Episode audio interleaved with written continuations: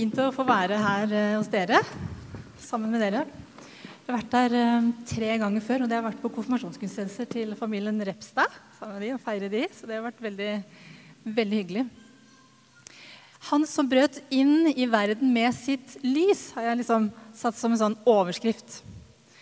Og jeg har faktisk lyst til å begynne med å si 'godt nytt år'. For det er det faktisk i dag.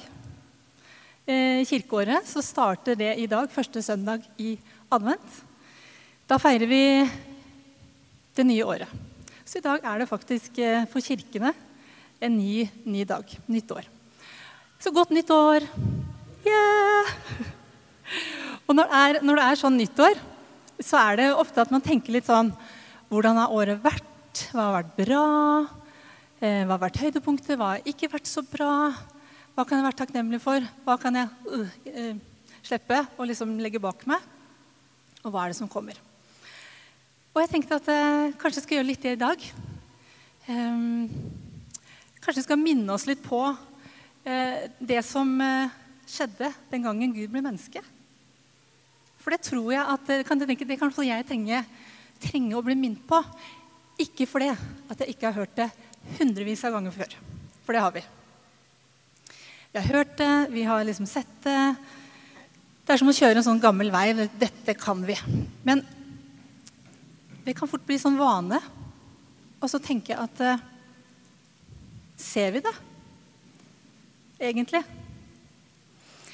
Jeg har aldri trengt briller før.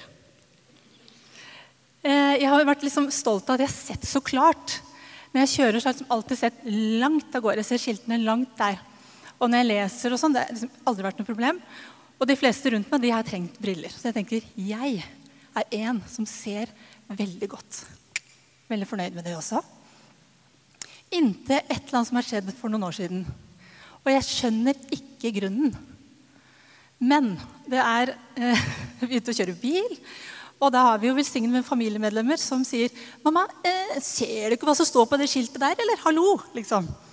Og jeg bare 'Jo, ja Et eller annet har skjedd. Og så mener jeg helt seriøst også noe har skjedd med skriftstørrelsen på bøker og menyer. Er det flere som er enig med meg? Ja. Det, er, det var noen andre fonter og størrelser før. Ikke sant? Det er noe som har skjedd. For det er ikke meg, selvfølgelig. Så jeg ser kanskje ikke like klart likevel. Sånn som jeg gjorde før. Noe har skjedd litt etter litt over tid. Og sånn kan det også se, skje med liksom, livet vårt, troen vår. Det kan noen ganger bli litt sånn foggy innimellom. Så vet jeg ikke om dere har sett noen sånne YouTube-videoer eh, som verserer. Hvor du kan eh, Folk som er fargeblinde, kan få på seg spesialbriller. Har du sett de? Hvor du plutselig kan få se alle fargene. Det virker ikke på alle, men det virker på noen. Og det som skjer da, at du, tenker at du liksom Sånn ser verden. Men idet de får på seg de brillene, så plutselig bare What? Er det sånn? Er det sånn det ser ut? Er det sånn verden ser ut med alle disse fargene? Og det er jo eh, fullt av følelser av glede, av grining, av liksom jeg trodde at verden ser sånn ut, men så gjør den jo ikke det. Den er jo helt annerledes. Og jeg tenker at Litt sånn er det kanskje for de som har en frelsesopplevelse. For de har fått møte Jesus. Og så ser de Jeg trodde det så sånn ut. Men så møtte jeg Jesus. Er det sånn det ser ut? Er det sånn det henger sammen? Plutselig ser du verden, livet og retningen med en helt ny på en helt ny måte. Og kanskje også hvis man får bønnesvar som, eller opplever liksom Guds inngripen, så kan det se litt sånn ut. Og så tenker jeg at For vi som har vokst opp med troen, vi har jo alltid sett de fargene. Har ikke verden bare alltid vært sånn, da? What's the big deal, liksom? Hva er det som er så fantastisk? Jeg eh, tenkte på For et par-tre år siden var det vel, så var vi på norgesturné i, fjell, i fjellene med familien Repstad. familiene våre. Og vi skulle bl.a. gå Aulandsdalen. Er det noen som har vært, den? vært der? Ja. Det skal være en av Norges Eller det er en av Norges vakreste daler. Fantastisk utsikt. Fantastisk flora. Fantastisk fjell. Vann. Ja. Liksom magnificent. Det er sånn fantastisk. Eh, ja, hva skal jeg si, lang historie kort. Jeg er den som alltid går bakerst når vi er på tur. det kjente huset jeg. Og det var jo for meg jeg tenker, For meg på den turen så husker jeg den litt sånn Og jeg lø, liksom svetter og løper for livet. Mens de andre gode, snille som er sammen med meg, de går jo sakte og sikkert og lukter litt på blomstene. De ser på fargene, på lilla, på, gult. De liksom Så flott. Er det ikke fantastisk her? Og jeg bare Ja! Jo, jo! Jo! Ja! Og jeg husker liksom et par sånne glimt. Ja, det var jo fantastisk. Det var jo det. Men jeg var mest liksom Ja, var litt opptatt, for å si det sånn. Og jeg tenker Det var ikke alltid like lett å se den store bildet, den vakre utsikten. Og nå har jeg bare lyst til å lese noen vers for dere. Så tenker jeg Jeg vet ikke hvor du er når du kom hit, men jeg tenker, skal vi ta en sånn pust? Om du har begynt julestresset, eller om det er, eh, du skal rekke å komme til gudstjeneste, eller Så kan vi liksom ta en sånn pust. Og så kan vi lese Guds ord sammen. Det er noen verser i Lukas 1 som er eh, de siste versene før juleevangeliet. Og der Juleevangeliet det handler jo om Da har du detaljene. Mens på disse versene her så får du det store utsikten. Lukas 1, vers 78-79.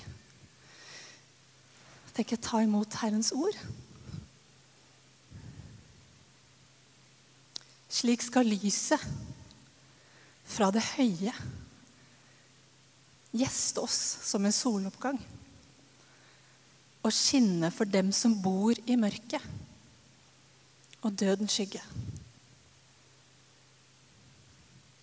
Og lede våre føtter inn på fredens vei.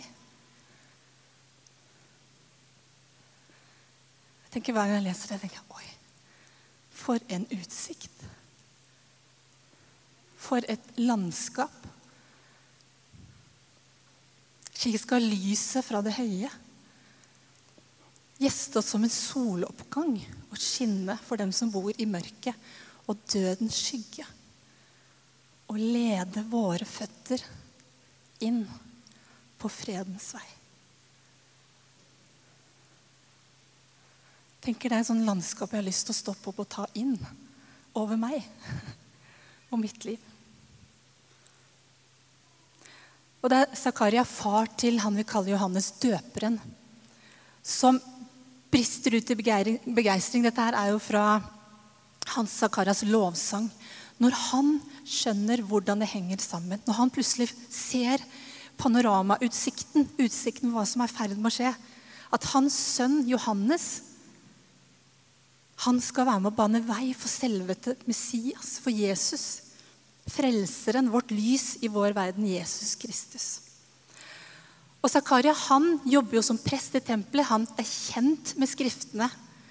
Og han har lest mange ganger i Bibelen om Messias som skal komme som et lys i mørket. Og Her siterer han bl.a. fra Jesaja. Profetene som flere hundre år før Jesus kom, snakker om dette her.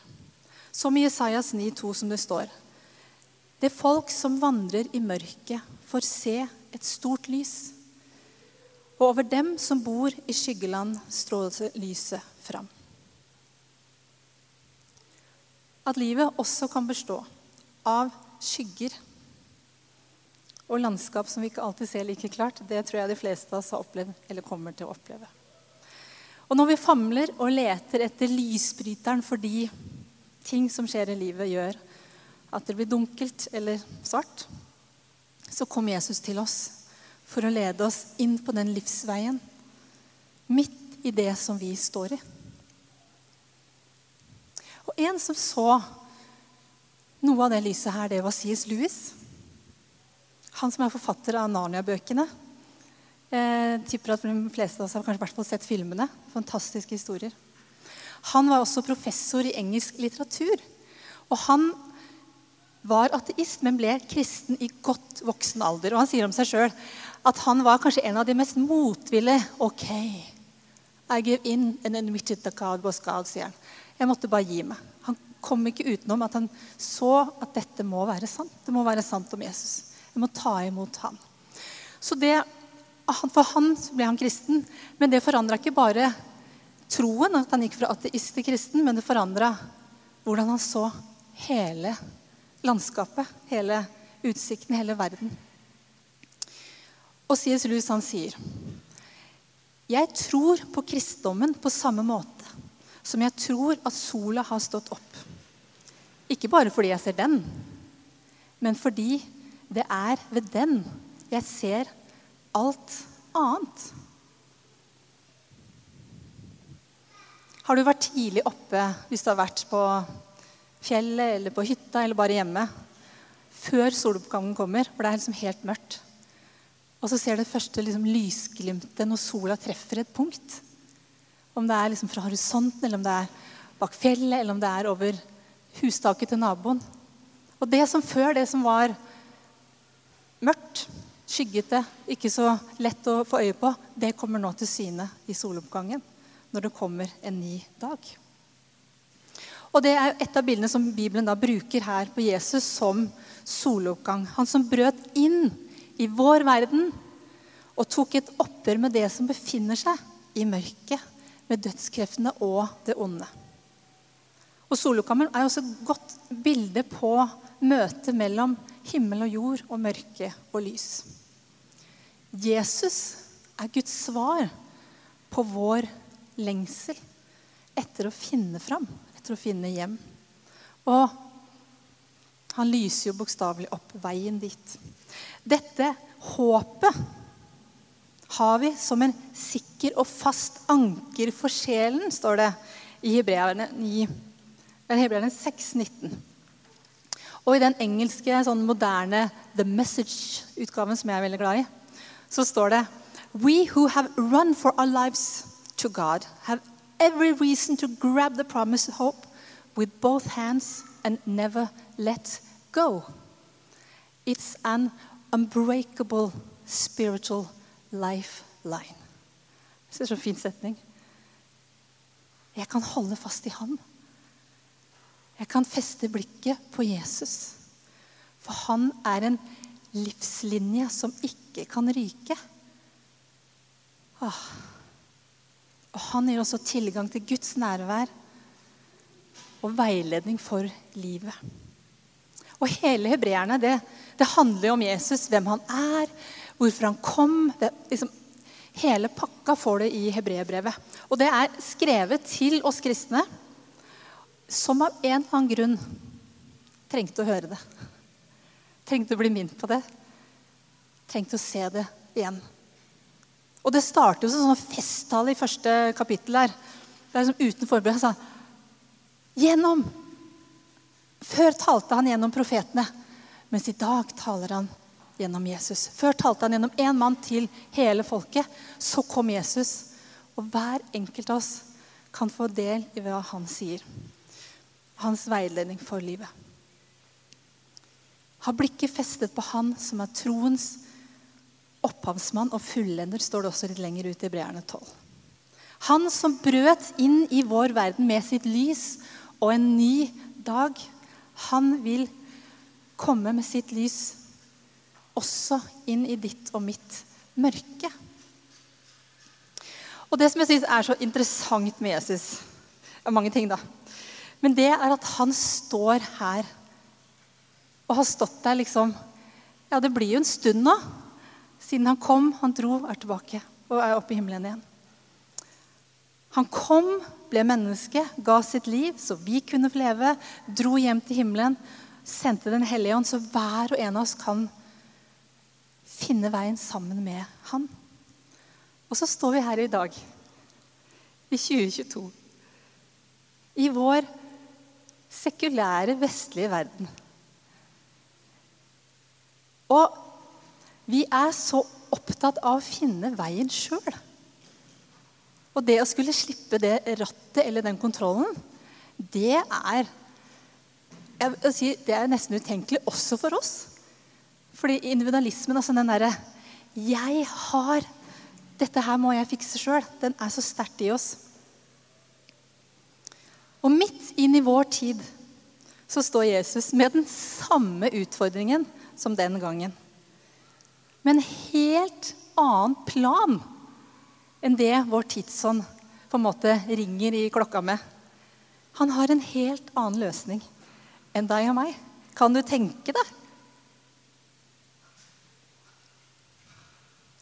Vår tid sier jo 'skap ditt eget liv'. Finn din egen mening. Din egen sannhet. Sikre din egen framtid. Jeg vet ikke om noen av dere har sett den serien Power Woman som går på Viaplay? Det har fått litt sånn blanda kritikk, men det var ikke poenget. er det noen som har sett? Jeg har i hvert fall sett litt på den. Der følger de fem liksom, foretakskvinner som har gjort det bra på sine områder. og En av dem er Isabel Ringnes, som er eh, eh ekspert på teknologi. Og hun skulle pitche eh, en altså prøve å selge inn et program som handler om teknologi, så sier hun den beste måten å forutsi framtidens på, er å skape den selv. Tenk, ja, Det høres helt fantastisk ut. Og akkurat i den settingen så skjønner jeg at hun brukte den. Men hvis du liksom tar det ut av den settingen Den beste måten å skape fremtiden på er, nei, den beste måten å forutsi framtiden på, er å skape den selv. Det høres så fantastisk ut. Helt til vi kanskje går på en smell og skjønner er det helt sånn. Kan vi det? Og da snakker jeg selvfølgelig ikke om at ikke vi skal ta ansvar for livet våre og ha mål, drømmer, planer. Sky is the limit. Kom igjen. Men om vi får til alt vi har drømt om, alle de målene vi har satt, så er det likevel mange ting i livet vi har ingen kontroll på. Sykdom kan ramme. Relasjoner, konflikter, brudd, død, pandemi jobbsituasjoner. Det er så mye du og jeg ikke har kontroll på. Og Jesus sier, 'Følg meg'.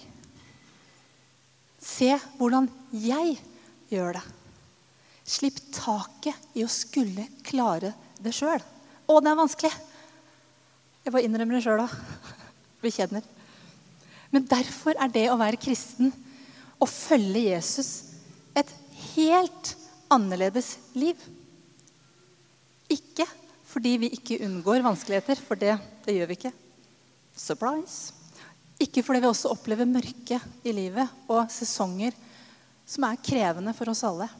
Men fordi troen på Jesus gir en retning i livet, et holdepunkt, som ikke handler om å holde meg selv oppe, men om Han som jeg kan holde fast i, og som holder meg midt i alt som skjer.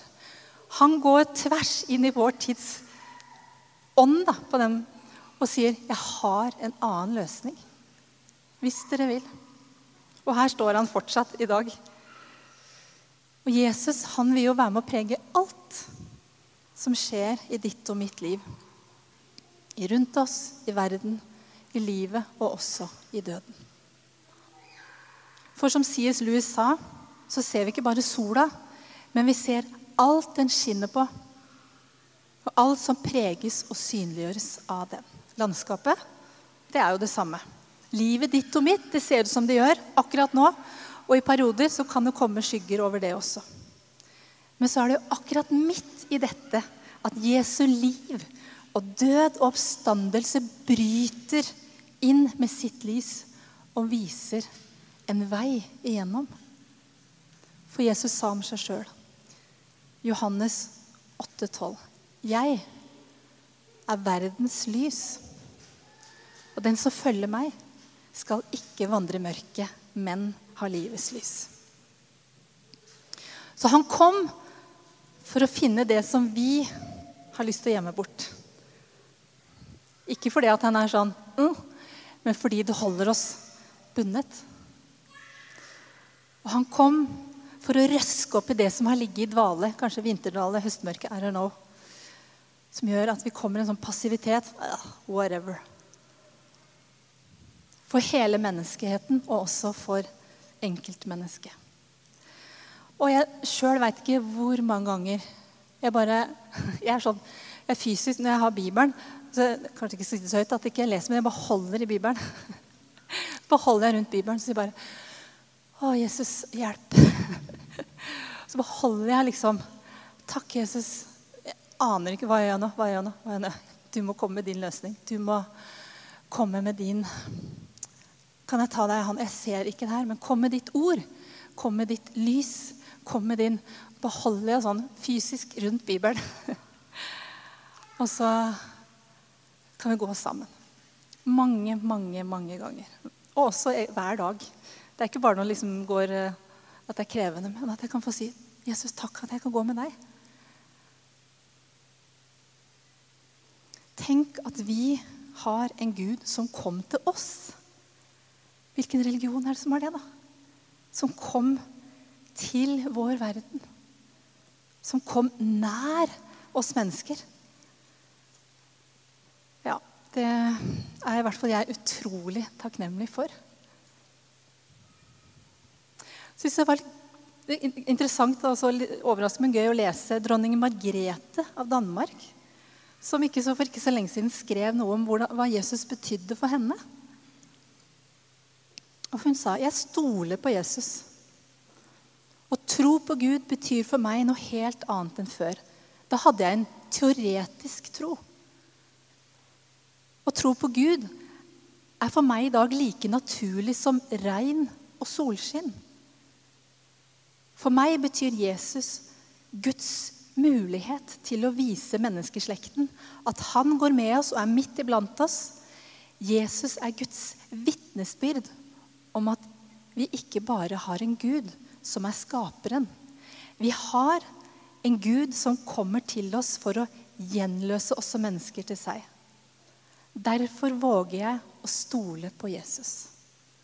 Som en benådet synder og som dronning. Det er liksom kraft og litt bro i den setning, siste setningen der. Som benådet synder og som dronning. Alle har en mulighet til å kunne si, ta Jesus an og si 'let's go'. og jeg vet jo ikke hvor du er, om du, der du er her i dag, hvor du er i livet ditt, om det er strålende lyst, eller om det er litt dunkelt, eller om det er beksvart. eller Det jeg veit, er at det kom det tegnet. Et kjærlighetstegn. At Jesus kom som en bro fra himmel til jord. Og han kom med håp, men også med kraft. Og han vet jo hvordan det er og måtte vente på Guds timing. Måtte tvile, håpe, tro. Han vet hvordan det er å være menneske. Og han kjempet og vant alle de kampene som vi står i i dag og kommer til å stå i framover. Og jeg syns Trygve Skau oppsummerer fint det utrolige med deg, Jesus. Det er at du faktisk har plass til hele mørket mitt i lyset ditt. Takk, Kjære Jesus, for det. Det syns jeg det er verdt å feire. Det syns jeg det er verdt å minnes første søndag i advent, når vi går og takker Jesus for. Og når vi nå går inn i adventstida, og også i julefeiringa. Og det at vi er her i dag, at vi samles til gudstjeneste, at vi sammen på en måte er kirke i dag, det er jo fordi Jesus kom ned til oss. Fordi han brøt inn i verden med sitt lys. Så har jeg bare lyst til at dere eh, skal ta med dere et par sånne setninger eller spørsmålstegn. Vi har alltid en sånn uh, ta med seg ut av gudstjenesten når vi har liksom sagt litt. Som du kan tenke litt på hvis du vil i søndagen eller dagene som kommer. Uh, og spørre deg sjøl og snakke litt med Jesus. Hvor eller når har du opplevd Jesu lys i ditt liv. Om det er den siste tida, eller om det er i løpet av året. Hvis du ser litt sånn Jesus, hvor, hvor der, der skjedde det. Eller hvor opplever Jesu lys? Og så takke Jesus for det. Og det andre er hvilket område i livet ditt vil du invitere Jesu lys inn i? Det som skjedde der, det er fortsatt åh, vanskelig. Eller ting du står i nå, eller det som kommer opp av liksom hver sammen med Jesus, så kommer det jo ofte opp. Og si Jesus, snakk med Jesus om det. Det er min oppfordring til dere inn i resten av søndagen. Så jeg har bare lyst til å ønske dere en velsigna adventstid. Amen.